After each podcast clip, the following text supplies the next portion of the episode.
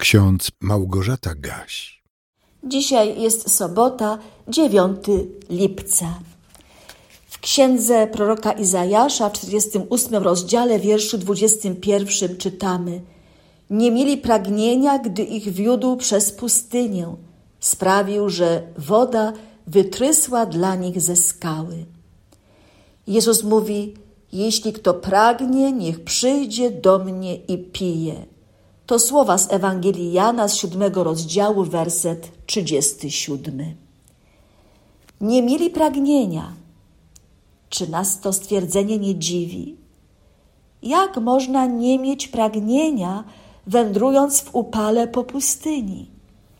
A jednak prorok Izajasz tak ocenia sytuację Izraelitów, którzy wędrowali przez pustynię z Egiptu do Kanaanu.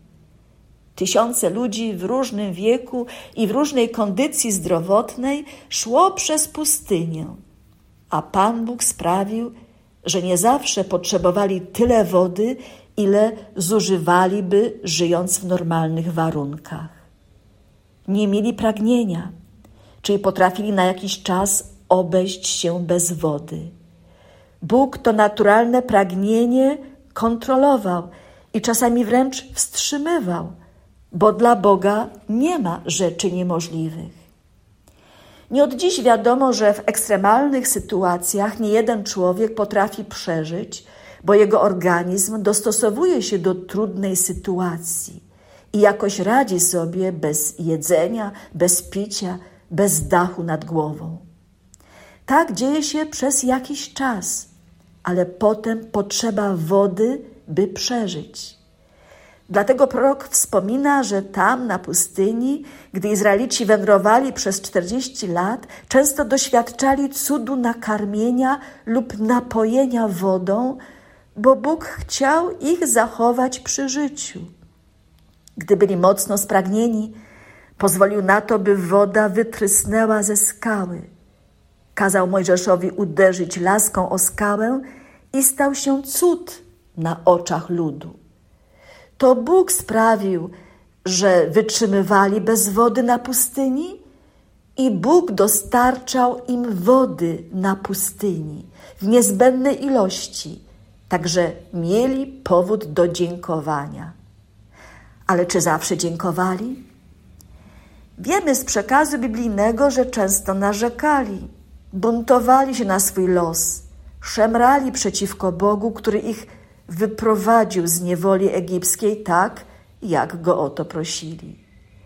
Woda niezbędna do życia była im dana, ale oni często byli niewdzięczni i dlatego swego Boga zasmucali. Człowiek, który widzi cud, na przykład w postaci wody, która wytryskuje ze skały, chociaż wcześniej była zupełnie sucha, powinien z nadzieją patrzeć w przyszłość i spodziewać się dalszej ingerencji Boga w jego codzienność. Ludzie dostrzegający Bożą opatrzność są ludźmi szczęśliwymi, ponieważ wiedzą, że nie są sami ze swoimi problemami, że na Boże cuda mogą oczekiwać. Pan Jezus zaprasza mnie i Ciebie, żebyśmy do Niego przychodzili i zaspokajali swoje pragnienie. Mówi, że jest dawcą wody żywej i kto napije się tej wody, już nie będzie odczuwał pragnienia.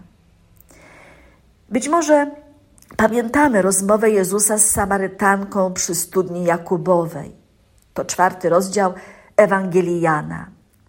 Jezus najpierw sam prosi kobietę, żeby mu dała wody ze studni, bo jest spragniony, a potem mówi: Gdybyś znała dar Boży i tego, który mówi do ciebie, daj mi pić, wtedy sama prosiłabyś go i dałby ci wody żywej. Mówi do niego: Panie, nie masz nawet czerpaka, a studnia jest głęboka. Skądże więc masz tę wodę żywą? Czy może ty jesteś większy od ojca naszego Jakuba, który dał nam tę studnię i sam z niej pił, i synowie jego, i trzody jego? Odpowiedział jej Jezus, mówiąc: Każdy, kto pije tę wodę, znowu pragnąć będzie. Ale kto napije się wody, którą ja mu dam, ten będzie, ten nie będzie pragnął na wieki. Lecz woda, którą ja mu dam, stanie się w nim źródłem wody wytryskującej ku żywotowi wiecznemu. Warto pamiętać, że temat wody kontynuowany jest w siódmym rozdziale Ewangelii Jana, gdzie między innymi tak czytamy. A w ostatnim wielkim dniu święta stanął Jezus i głośno zawołał: Jeśli kto pragnie, niech przyjdzie do mnie i pije. Kto wierzy we mnie, jak powiada pismo, z wnętrza jego popłyną rzeki wody żywej. A to mówił o duchu, którego mieli otrzymać ci, którzy w niego uwierzyli, albowiem Duch Święty nie był jeszcze dany, gdyż Jezus nie był jeszcze uwielbiony. Drodzy słuchacze, zechciejmy dziś pomyśleć o tej wodzie, którą Bóg nam daje, by ugasić nasze fizyczne pragnienie. I dziękujmy za nią Bogu. Współczesnemu światu grozi coraz większa susza. Dziś wielu ludzi cierpi z powodu braku wody. My ją jeszcze mamy, ale powinniśmy ją szanować, w mądry sposób używać, by nie zabrakło jej w przyszłości. Natomiast woda żywa, o której mówi Pan Jezus, powinna być przez nas jeszcze bardziej doceniona. Źródło wody żywej nigdy nie wyschnie i każdy z nas jest do tego źródła zapraszany przez samego Jezusa, naszego Pana i Zbawiciela.